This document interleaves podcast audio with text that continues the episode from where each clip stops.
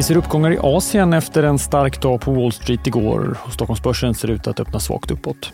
Du lyssnar på det i Morgonkoll. Jag heter Alexander Klar. Strax mer om Asien, men först om en av morgonens rapporter. Dagligvaruhandlaren Axfood har precis släppt siffror. Resultatet på dryga halvmiljarden var något lägre än väntat.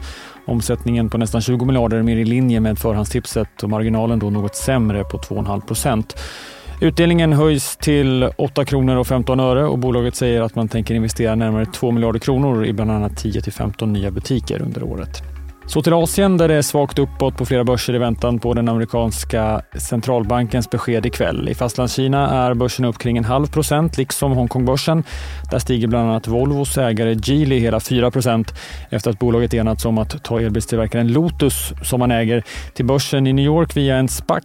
Affären värderar Lotus till 5,4 miljarder dollar, rapporterar Bloomberg.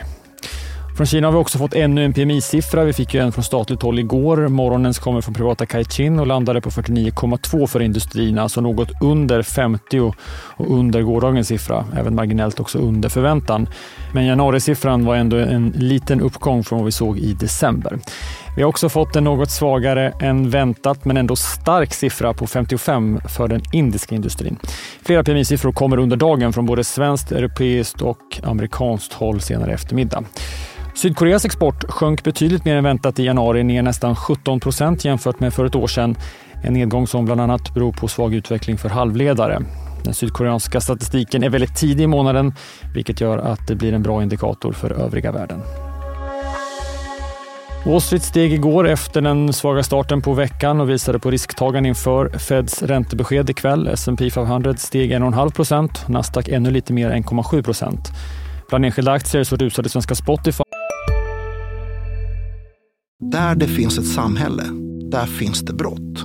Krimrummet är podden som tar brottsligheten på allvar.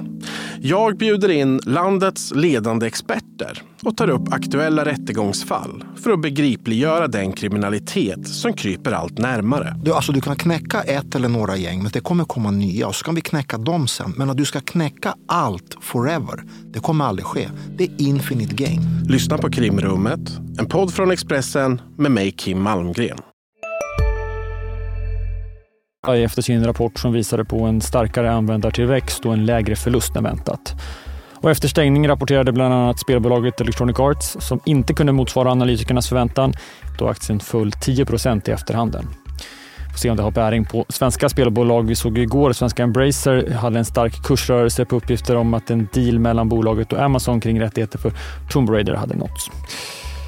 Och betaltjänsten Paypal meddelar att man likt flera techbolag hastigt drar ner på personalen nu och ska de kommande veckorna säga upp 2000 anställda, vilket motsvarar 7 av personalstyrkan.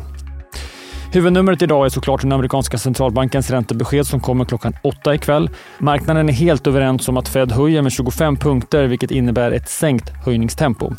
Frågan är om Fed-chefen Jerome Powell också signalerar en mer avvaktande hållning framåt eller om det fortsatt blir hökaktiga tongångar på den efterföljande pressträffen som ni såklart kan se i DTV med start halv nio.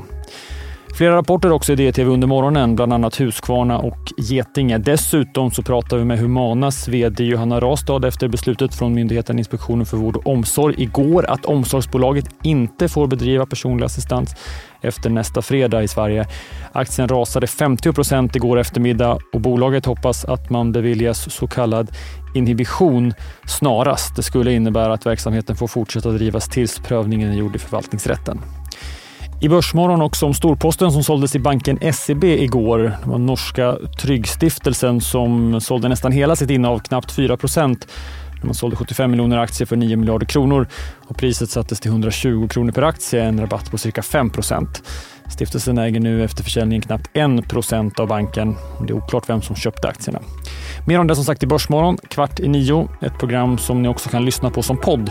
Den släpps varje dag klockan 11. Jag heter Alexander Klar.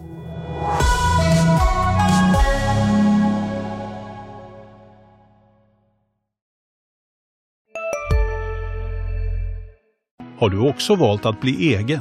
Då är det viktigt att skaffa en bra företagsförsäkring. Hos oss är alla småföretag stora och inga frågor för små. Swedeas företagsförsäkring är anpassad för mindre företag och täcker även sånt som din hemförsäkring inte täcker. Gå in på swedea.se företag och jämför själv. Hej, Synoptik här.